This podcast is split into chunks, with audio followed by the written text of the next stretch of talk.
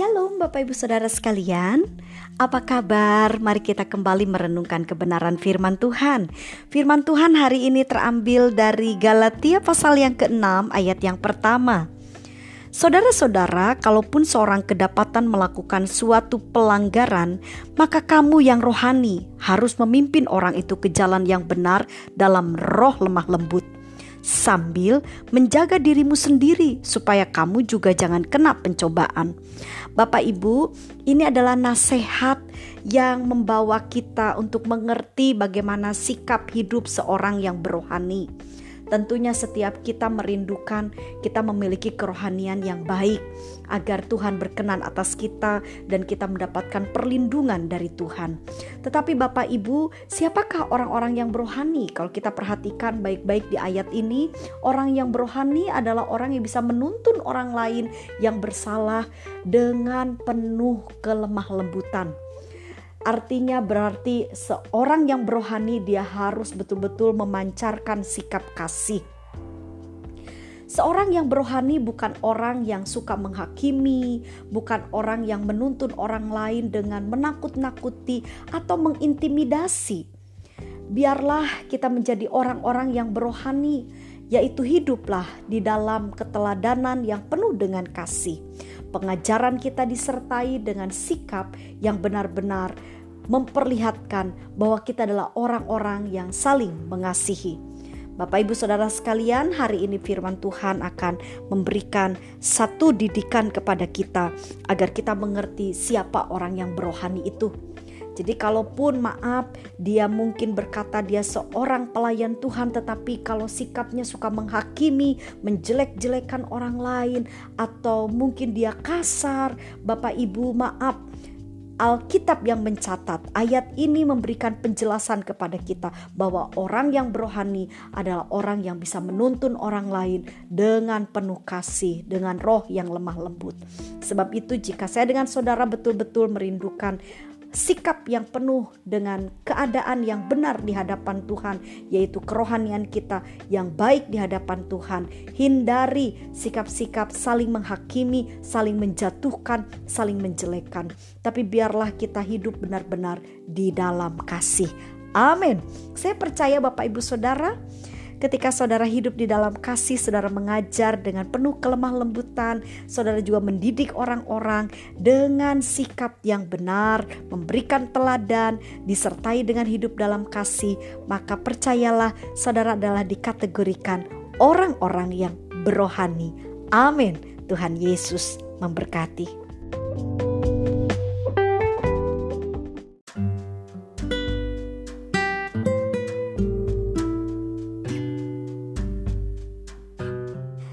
Shalom Bapak Ibu Saudara sekalian, mari kita kembali merenungkan kebenaran firman Tuhan. Firman Tuhan terambil dari Lukas pasal 12 ayat 15. Katanya lagi kepada mereka, berjaga-jagalah dan waspadalah terhadap segala ketamakan. Sebab walaupun seorang berlimpah-limpah hartanya, hidupnya tidaklah tergantung daripada kekayaannya itu. Bapak Ibu hari ini firman Tuhan memberikan satu tuntunan kepada kita supaya kita ini tidak menjadi orang yang tamak dalam bahasa asli, ketamakan itu juga punya pengertian keserakahan. Ya, kalau udah tamak, serakah itu artinya berarti dia egois, dia hanya memikirkan diri sendiri, dia menumpuk segala sesuatu yang baik hanya untuk dirinya sendiri. Itu bicara ketamakan. Dan di dalam ayat ini ketamakan ini dikaitkan dengan harta benda.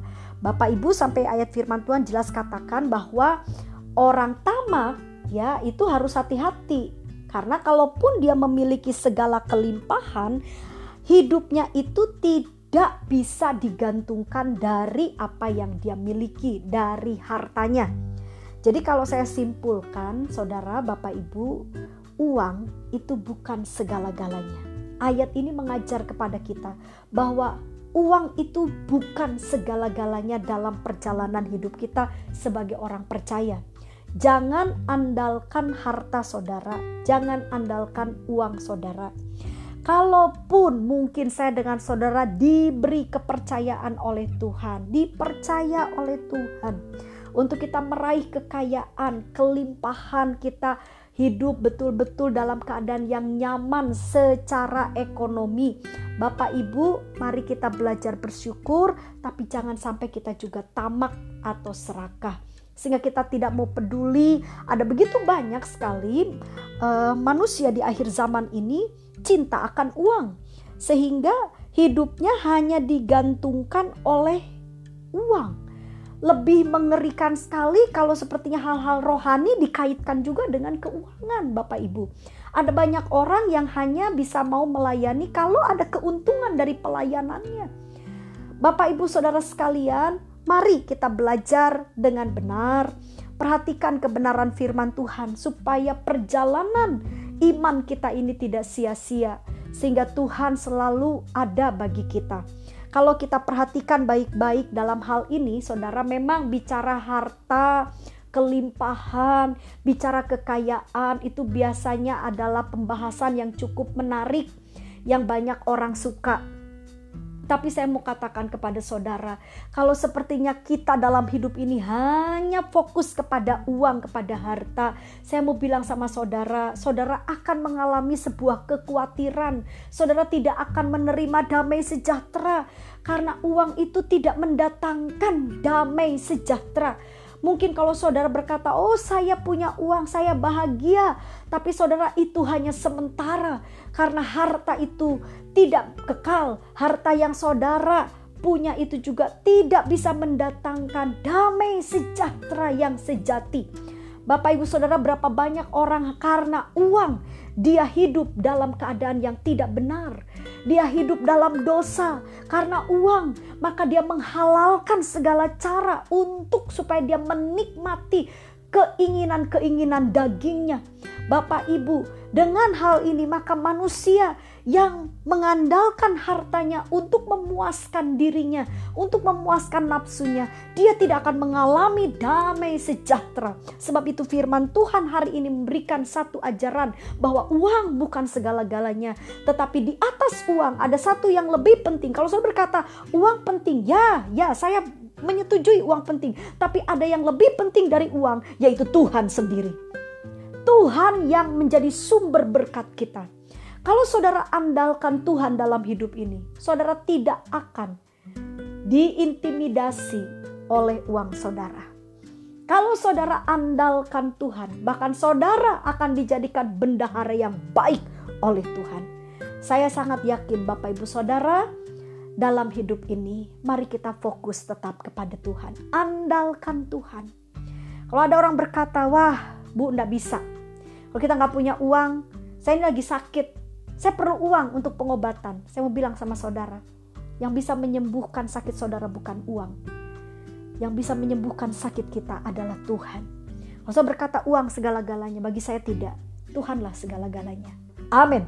Saya percaya Bapak Ibu Saudara, jika saya dengan saudara memiliki hati yang baik, saudara pasti akan turut, saudara akan belajar taat kepada firman Tuhan, dan saudara akan tetap belajar untuk mengandalkan Tuhan. Lakukan yang terbaik di mata Tuhan, tetaplah bersyukur, jangan terlalu fokus dengan hal-hal jasmani, karena itu hanya akan membuat kita lemah dan kita khawatir. Tuhan memberkati kita semua. Amin.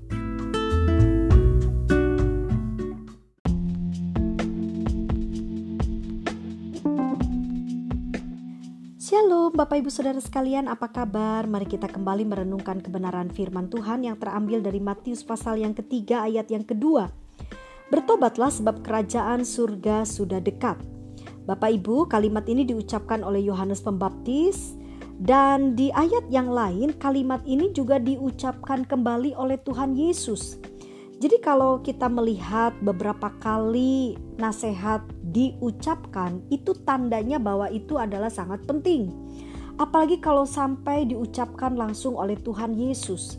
Karena saudara, kalau Tuhan Yesus sudah berfirman, itu artinya setiap apa yang difirmankan Tuhan Yesus itu hal yang penting dan akan mendatangkan hal yang baik bagi kita semua. Mari bersama-sama kita perhatikan kebenaran firman Tuhan ini. Bapak Ibu, dalam dunia ini banyak sekali godaan, banyak sekali ujian hidup, bahkan cobaan-cobaan akan kita alami setiap waktu, setiap hari. Sebab itu kenapa firman Tuhan mengajar kepada kita untuk kita tetap ada hidup di dalam pertobatan. Kita harus bertobat setiap waktu Bapak Ibu. Sebab bagaimanapun juga kita manusia, kita banyak kelemahan. Ada satu kali mungkin tanpa kita sadari kita sudah salah di hadapan Tuhan. Sebab itu pertobatan itu sangat penting. Apa itu bertobat? Bertobat adalah meninggalkan hidup yang lama dan memulai atau memasuki kehidupan yang baru di mana kehidupan kita akan mengalami perubahan ke arah yang lebih baik. Bertobat artinya kita meninggalkan segala kejahatan yang kita lakukan dan kita benar-benar hidup di dalam pemulihan, di dalam sesuatu yang benar di mata Tuhan. Tuhan sangat menghendaki setiap kita hidup dalam pertobatan. Karena ketika kita bertobat, maka jalan untuk kita selamat itu akan dibukakan pintu kerajaan surga itu akan dibukakan bagi saya dengan saudara. Percayalah Bapak Ibu, kita tidak pernah tahu uh, waktu kita hidup di dunia ini berapa lama, kita nggak pernah mengerti. Semua itu diatur oleh Tuhan, tapi selama kita hidup, biarlah kita terus hidup di dalam pertobatan. Dengan bertobat, saya dengan saudara sedang membuka pintu berkat dengan bertobat, kita sedang menjalin hubungan yang baik dengan Tuhan. Dengan bertobat jugalah, maka keselamatan akan menjadi bagian kita. Amin. Saya percaya Bapak Ibu, pertobatan adalah hal yang paling penting dan yang paling Tuhan inginkan. Biarlah dengan pertobatan kita di hadapan Tuhan itu membuat hubungan kita dengan Tuhan menjadi begitu dekat, begitu intim, sehingga ke mana pun kita pergi, apa pun yang kita kerjakan, semuanya disertai oleh Tuhan. Puji Tuhan, tetaplah hidup dalam pertobatan sehingga kita bisa melihat hari-hari kita tetap baik di dalam Tuhan. Amin.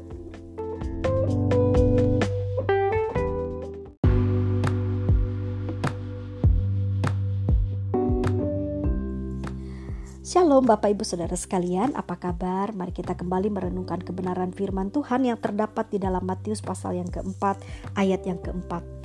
Tetapi Yesus menjawab, "Ada tertulis manusia hidup bukan dari roti saja, tetapi dari setiap firman yang keluar dari mulut Allah." Ayat ini sedang menjelaskan bagaimana Tuhan sedang menangkal setiap godaannya iblis. Karena saat itu iblis meminta Tuhan untuk mengubah batu menjadi roti. Memang iblis ini Bapak Ibu paling lihai sekali mencari kelemahan manusia, ya. Uh, saat itu kan Tuhan kita sedang ada di dalam keadaan tubuh fisik sebagai manusia dan baru menyelesaikan puasa. Di orang kalau sudah puasa pasti lapar. Nah, iblis itu paling ngerti sekali kelemahan manusia. Makanya saat manusia lemah, iblis akan selalu mencobai. Nah, sebab itu iblis katakan, "Udah, ubah aja tuh batu jadi roti." Saudara, kita bersyukur sekali jawaban Tuhan itu memberikan satu didikan juga kepada kita sebagai pengikut Tuhan bahwa hidup kita ini tidak berbicara melulu tentang makanan. Saudara, dalam hidup ini yang paling utama itu adalah perkataan-perkataan firman. Artinya begini Bapak Ibu, bukan berarti kita nggak perlu makan. Kita masih perlu makan. Tapi kalau saudara betul-betul seandainya kita diperhadapkan dengan situasi di mana kita pilih makanan atau pilih firman, maka di situ Bapak Ibu dengan saya harus betul-betul mengerti kehendak Tuhan bahwa Tuhan menginginkan kita untuk tetap taat kepada pribadinya. Kenapa? Kalau Bapak Ibu taat kepada firman perkataan Tuhan, maka saya dengan saudara akan betul-betul dipelihara oleh Tuhan. Tapi kalau kita hanya mementingkan kebutuhan jasmani dan kita tidak memperhatikan atau mengutamakan Tuhan, apa yang terjadi Bapak Ibu hidup kita akan mengalami kebinasaan. Mungkin secara jasmani kita akan terlihat nyaman, enak, tetapi di hadapan Tuhan kita akan mengalami satu penolakan karena kita tidak taat kepada perkataan Tuhan. Nah, ayat ini mengajar kepada kita bahwa Ketika Tuhan katakan ada tertulis manusia hidup bukan dari roti saja tetapi dari setiap firman yang keluar dari mulut Allah bahwa Tuhan mau saya dengan saudara tetap melakukan segala sesuatu di muka bumi ini seturut dengan perkataan Tuhan. Memang Bapak Ibu di dunia ini banyak sekali nasihat-nasihat yang kelihatannya baik atau bijaksana atau mungkin itu menguntungkan. Tapi hati-hati jika nasihat-nasihat itu tidak ada dasar kebenaran firman Tuhan, bukan dari perkataan-perkataan Tuhan, maka Bapak Ibu dengan saya harus waspada. Sebab kalau kita menjalani hidup ini bukan dari dasar firman Tuhan, maka kita akan dikategorikan sebagai orang-orang yang berjalan menurut nasihat orang fasik.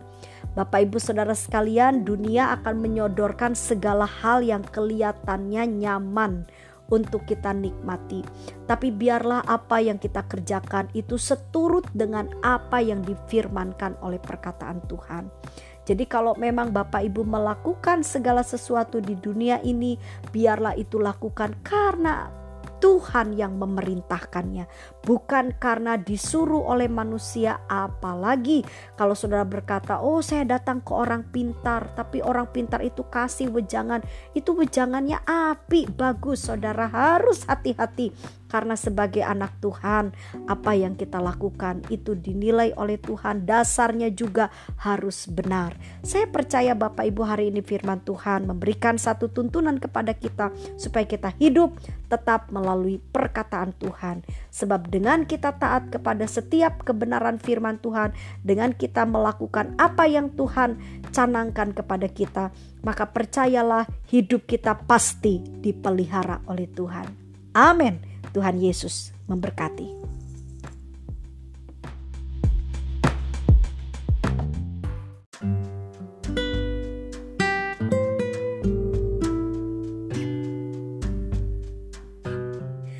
Shalom Bapak Ibu Saudara sekalian, apa kabar? Mari kita bersama-sama kembali merenungkan kebenaran firman Tuhan yang terambil dari Matius pasal yang ke-6 Ayat yang pertama, ingatlah jangan kamu melakukan kewajiban agamamu di hadapan orang supaya dilihat mereka. Karena jika demikian kamu tidak beroleh upah dari Bapamu yang di surga. Saya cukup tertarik dengan kalimat yang menjelaskan bahwa ada upah yang Bapak sediakan di kerajaan surga. Jadi Bapak Ibu kalau kita simpulkan ayat ini memberikan penjelasan kepada kita bahwa segala sesuatu yang kita kerjakan di dalam kegiatan-kegiatan rohani kita saat kita sedang betul-betul menata kerohanian kita dengan baik untuk Tuhan, maka Bapak Ibu segalanya itu akan menghasilkan satu upah atau ada imbalan dan upah yang sesungguhnya itu nanti kita terima di kekekalan yaitu di kerajaan surga. Sebab itu Bapak Ibu Saudara sekalian, begitu pentingnya ketika kita melakukan segala kegiatan rohani, kita harus pusatkan hati dan pikiran kita kepada Tuhan. Nah, hal ini sering kali tidak disadari oleh banyak umat karena sering kali umat berpandangan bahwa kalau dia sungguh-sungguh melakukan kegiatan-kegiatan rohani, baik itu beribadah, berdoa, mungkin itu juga memberi sedekah, atau kita sedang e, menolong orang lain karena Tuhan, atau mungkin karena seseorang sedang berpuasa, maka mereka selalu berpikir bahwa itu semua mereka lakukan, nanti mereka akan ada imbalannya atau upahnya langsung pada saat di bumi ini. Nah, memang Bapak Ibu, ketika kita sungguh-sungguh dengan Tuhan, kita melakukan segala kegiatan bagi Tuhan dengan segenap hati kita, maka berkat Tuhan akan dicurahkan kepada kita, yaitu perlindungan Tuhan, pemeliharaan Tuhan. Tapi Bapak Ibu perlu pahami bahwa sebenarnya ada hal yang betul-betul akan Bapak Ibu terima ketika kita melakukan segala kegiatan-kegiatan rohani kita itu upah yang sesungguhnya ada di kekekalan nanti, ada di kerajaan surga. Nah, sebab itu Bapak Ibu, Mengapa ayat ini begitu menekankan bahwa segala yang kita kerjakan jangan sampai itu dilihat oleh manusia? Kalau saya perhatikan baik-baik, sebenarnya ayat ini bukan berarti bahwa apa yang kita kerjakan secara rohani itu tidak boleh dilihat oleh manusia sama sekali. Karena bagaimanapun juga ketika kita kita beribadah, ketika kita memberi sedekah, ketika kita mungkin sedang berpuasa pasti akan ada orang yang mengetahuinya karena kalau kita lagi puasa lalu orang ngajak makan tentunya Bapak Ibu kita harus uh, jujur dan kita akan berkata saya sedang berpuasa berarti kan orang akan mengetahui dan orang akan melihat oh ya kamu sedang berpuasa. Nah, apakah ayat ini memberikan satu penjelasan bahwa sama sekali kita tidak boleh dilihat oleh orang? Sebenarnya itu tidak benar. Karena di ayat ini sesungguhnya pengertiannya adalah tujuannya yang harus kita perhatikan. Jangan sampai tujuan kita melakukan kegiatan-kegiatan rohani tersebut adalah hanya untuk supaya dilihat oleh manusia atau kita kerjakannya supaya mendapatkan pujian dari manusia. Itu yang firman Tuhan tekankan jangan sampai kita melakukannya dengan tujuan yang salah. Supaya apa? Supaya upah kita ada di kerajaan surga. Karena kalau tujuannya salah Bapak Ibu maka kita sudah tidak lagi bisa menerima upah. Karena itu sudah tidak sesuai dengan kehendak Tuhan. Sebab itu Bapak Ibu Saudara sekalian, ketika kita melakukan segala kegiatan-kegiatan rohani kita, apalagi hari-hari ini di masa pandemi seperti ini, mungkin banyak kegiatan rohani yang kita lakukan secara online dan itu mungkin tidak dilihat oleh banyak orang. Tapi kalaupun Bapak Ibu dengan saya tidak dilihat orang maupun ada orang yang melihat atau tidak, maka biarlah kegiatan-kegiatan rohani kita kita lakukan dengan serius, dengan sungguh-sungguh. Karena apa? Karena semua yang kita kerjakan di dalam Tuhan itu tidak akan sia-sia. Ada upah yang menantinya. Amin. Saya percaya Bapak Ibu, segala sesuatu yang kita kerjakan pasti akan mendatangkan hal yang baik jika tujuannya kita benar-benar tujukan kepada Tuhan. Haleluya, Tuhan Yesus memberkati.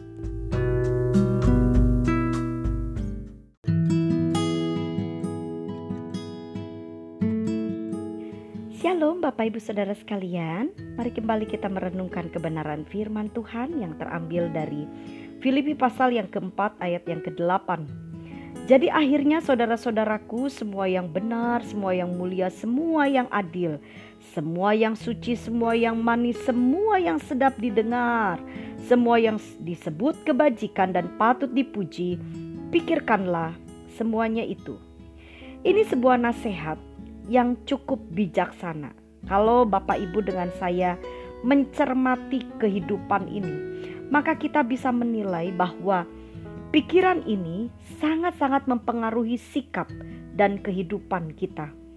Jika pikiran kita positif, pikiran kita baik, maka pastilah kehidupan kita pun akan lebih baik. Tapi jika pikiran seseorang negatif, maka sikapnya pun pasti akan negatif dan itu akan mempengaruhi kehidupannya. Bapak Ibu, cara kita berpikir itu sangat penting untuk kita melihat hari-hari ke depan yang lebih baik. Sebab itu, firman Tuhan memberikan satu nasihat yang begitu baik supaya kita menjaga pikiran kita. Bagaimana supaya pikiran kita betul-betul dalam kondisi yang baik, dalam keadaan yang baik? Maka Bapak Ibu, sebagai seorang hamba Tuhan, selama ini saya menjaga pikiran saya, saya mencoba untuk merenungkan firman Tuhan siang dan malam. Ketika pikiran kita dipenuhi oleh kebenaran firman Tuhan, saya percaya sekali pikiran kita akan menjadi lebih baik. Kita akan memiliki iman di dalam perjalanan hidup kita. Pikiran ini sangat berkaitan dengan hati kita, Bapak Ibu. Jika hati kita baik, maka pikiran kita pun akan baik. Sebab itu, ini sangat penting sekali untuk kita melihat sesuatu di dalam perjalanan hidup kita. Kalau kita betul-betul ingin melihat hari-hari baik, maka Bapak Ibu harus menjaga pikiran, sebab itu jagalah hati saudara juga. Ketika saudara betul-betul merenungkan firman Tuhan siang dan malam, fokus kepada Tuhan, saya percaya maka saudara akan memiliki cara berpikir yang lebih bijaksana. Bapak Ibu, firman Tuhan ini akan membuat hidup kita lebih bijaksana, tetapi itu akan terjadi jika kita bukan hanya mempelajarinya, tetapi harus melakukannya. Ketika seseorang menjadi seorang pelaku firman, maka sikap tanduknya akan terlihat lebih bijaksana. Sebab itu, Bapak Ibu, biarlah kita berpikir dengan baik, penuhilah pikiran kita dengan firman Tuhan memperhatikan apa yang lebih banyak saudara konsumsi, baik itu dari mendengar, melihat, atau membaca. Kalau saudara betul-betul ingin memiliki satu keadaan kehidupan yang lebih baik, kerohanian yang lebih baik, biarlah kita lebih banyak membaca atau mendengar, atau mungkin melihat adalah sesuatu kebenaran, yaitu firman Tuhan. Banyak-banyaklah saudara merenungkan firman Tuhan, membaca firman Tuhan. Banyak-banyaklah saudara dan saya untuk mempelajari firman itu dan sampai kita memahaminya sehingga kita bisa melakukannya. Saya percaya Bapak Ibu Tuhan tidak akan pernah membiarkan kita berjalan sendiri dalam kehidupan ini. Dan Tuhan memberikan nasihat tuntunan melalui kebenaran firman Tuhan hari ini supaya kita memiliki pikiran yang baik. Tetap semangat Bapak Ibu, Jalani hari-hari ini bersama dengan Tuhan. Jagalah hati, jagalah pikiran saudara. Pikirkan hal yang baik, renungkan hal-hal kebenaran, yaitu kebenaran firman Tuhan. Amin. Tuhan Yesus memberkati.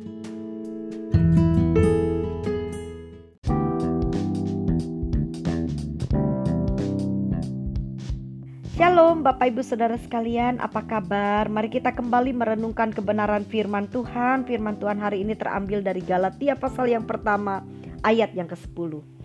Jadi bagaimanakah sekarang? Adakah ku cari kesukaan manusia atau kesukaan Allah? Adakah ku coba berkenan kepada manusia? Sekiranya aku masih mau mencoba berkenan kepada manusia, maka aku bukanlah hamba Kristus. Bapak Ibu, firman Tuhan hari ini memberikan satu penjelasan kepada kita bagaimana supaya kita menjadi hamba Kristus yang benar-benar berkenan kepada Tuhan.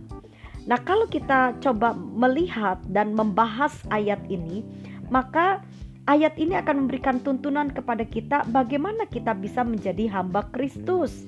Tentunya kehidupan yang berkenan kepada Tuhan. Ketika saya dengan saudara menjadi hamba Kristus, percayalah Bapak Ibu, hidup kita akan mengalami perkenanan di mana kita akan betul-betul dijamin untuk dapat menerima janji-janji Tuhan. Tuhan akan melindungi, memelihara, dan juga Tuhan benar-benar akan menyertai kita. Sebab kepada hamba-hamba Kristuslah Tuhan akan berkenan kepada mereka. Nah, sebab itu bagaimana caranya? Maka kalau Bapak Ibu memperhatikan di ayat ini, untuk menjadi hamba Kristus, hidup di dalam perkenanan Tuhan, kita harus betul-betul mencari kesukaannya Tuhan. Dalam dunia ini sering kali tanpa disadari ada banyak orang hanya mencari kesukaan manusia. Apalagi kalau mungkin maaf seseorang yang sedang membangun sebuah bisnis atau mungkin dia sedang membangun sebuah relasi dengan siapa pun, dia akan mencoba untuk memiliki satu sikap yang bisa menyenangkan orang-orang yang sedang mungkin dia uh, dekati untuk bisa memiliki satu hubungan yang lebih baik. Tapi Bapak Ibu, kalau cara kita untuk menjalin sebuah hubungan dengan kita mungkin mencoba untuk menyenangkan hari hati orang tersebut tanpa kita memperhatikan kebenaran firman Tuhan, itu sangat fatal. Sebenarnya Bapak Ibu, firman Tuhan ini mengajar kepada kita adalah kunci bagaimana kita bisa menjadi berkat bagi sesama. Kalau saya dengan saudara mencari kesukaannya Tuhan, saya percaya Tuhan akan membukakan jalan untuk kita mendapati sesuatu yang baik. Jadi jangan dibalik Bapak Ibu, cari dulu kesukaannya Tuhan. Dan lebih dari itu, Tuhan juga memberikan satu tuntunan kepada kita kalau memang kita ingin hidup kita berkenan kepada Tuhan, menjadi seorang hamba Kristus, maka Bapak Ibu kita juga harus mencari perkenanan Tuhan. Jangan mencari perkenanan manusia. Dalam dunia ini, kalau kita hanya ingin menyenangkan hati manusia, kita coba untuk membuat hidup kita bisa dinilai baik oleh manusia, Jujur Bapak Ibu kita akan kelelahan, kita akan capek. Tapi kalau saya dengan saudara hanya fokus untuk menyenangkan hati Tuhan, saudara mencari kesukaan-kesukaan Tuhan, saya yakin jiwa saudara akan tenang. Dan ketika seseorang mencari perkenanan Tuhan, pasti otomatis hidupnya bisa menjadi berkat. Hidupnya bisa terlihat betul-betul sangat bijaksana. Sebab itu Bapak Ibu, kalau saudara dengan saya betul-betul ingin mendapati hidup kita di dalam perkenanan di hadapan Tuhan, menjadi hamba Kristus, sehingga kita betul-betul kita layak untuk menerima perlindungan dan penyertaan Tuhan. Maka mari kita harus mencari kesukaan Tuhan dan kita harus benar-benar mengejar perkenanan Tuhan. Amin. Tuhan Yesus memberkati.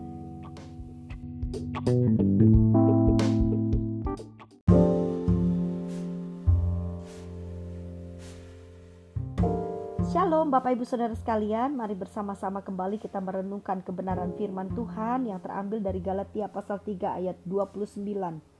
Dan jikalau kamu adalah milik Kristus, maka kamu juga adalah keturunan Abraham dan berhak menerima janji Allah. Apa yang Allah janjikan kepada Abraham? Bapak Ibu, dalam firman Tuhan dijelaskan bahwa Allah berjanji akan memberkati Abraham dan keturunannya. Jadi artinya kalau saya dengan saudara menjadi keturunannya Abraham, itu kita layak untuk diberkati oleh Tuhan. Pastinya semua kita rindu diberkati Tuhan karena ketika berkat Tuhan ada dalam kehidupan kita, kita akan melihat hari-hari kita penuh dengan kemenangan demi kemenangan. Berkat Tuhan itu akan membuat kita menjadi kuat menjalani hari-hari ini. Berkat Tuhan juga akan membuat kita benar-benar menjadi pribadi yang lebih bijaksana lagi. Karena ketika Tuhan memberkati kita, maka hidup kita akan melihat hal-hal yang penuh dengan keajaiban Tuhan. Nah, Bapak Ibu Saudara, caranya kita mendapatkan berkat Tuhan, maka di ayat ini dijelaskan kita harus menjadi keturunannya Abraham. Nah sekarang bagaimana saya dengan saudara bisa menjadi keturunannya Abraham? Kalau kita memikirkan secara logika itu sangat mustahil. Karena kita tidak tahu nenek moyang kita e, mungkin kakek nenek kita ini apakah memang ada keturunannya dari Abraham atau tidak kita nggak bisa mengerti Bapak Ibu tetapi percayalah saudara melalui kebenaran firman Tuhan ini di mata Tuhan kita bisa dikategorikan sebagai keturunan Abraham kalau saya dengan saudara menjadi milik Kristus. Sebab itu hari ini mari kita renungkan apa arti kata milik. Bapak Ibu, kalau sudah menjadi milik berarti kalau seandainya kalau saya ingat bagaimana perbudakan di zaman dulu ya eh, di budaya bangsa Israel itu kalau sudah jadi milik seorang hamba menjadi milik tuannya maka hamba itu sudah tidak bisa lagi punya hak dalam hidupnya. Jadi dia harus nurut, dia harus betul-betul uh, hidup seturut dengan apa yang dikehendaki oleh tuannya. Nah, hal ini bisa kita coba untuk memahami apa arti kata milik Bapak Ibu. Kalau saya dengan saudara sudah menjadi miliknya Tuhan, maka saudara kita harus betul-betul memiliki sikap yang taat kepada Tuhan. Kalau memang saya sebagai uh, milik Tuhan, saudara dengan saya betul-betul sebagai milik Tuhan, maka kita pun tidak boleh banyak berbantah. Kita harus belajar banyak mengucap syukur dalam perjalanan hidup kita. Karena apa pun yang Tuhan izinkan terjadi dalam hidup kita, saudara ini sudah jadi milik Tuhan. Saya dengan saudara betul-betul milik Tuhan. Kalau sudah jadi milik, kita percaya hidup kita ini sudah ada di dalam pertanggungjawabannya Tuhan. Nah, Bapak Ibu kita bersyukur sekali karena yang memiliki kita itu adalah Tuhan di mana digambarkan sebagai Bapa yang baik. Nah, seorang Bapa yang baik tidak mungkin menyanyiakan kehidupan anak-anaknya. Dia akan berjuang, dia akan bertanggung jawab kepada kita. Sebab itu, mari dalam hal kepemilikan, kalau memang saya dengan saudara milik Kristus, artinya kita harus belajar untuk berserah total percaya kepada Tuhan, miliki ketaatan, dengar-dengaran kepada perintah Tuhan. Karena ketika saya dengan saudara betul-betul menjadi milik Kristus, itu artinya kita layak untuk menerima berkat Tuhan. Amin. Tuhan Yesus memberkati.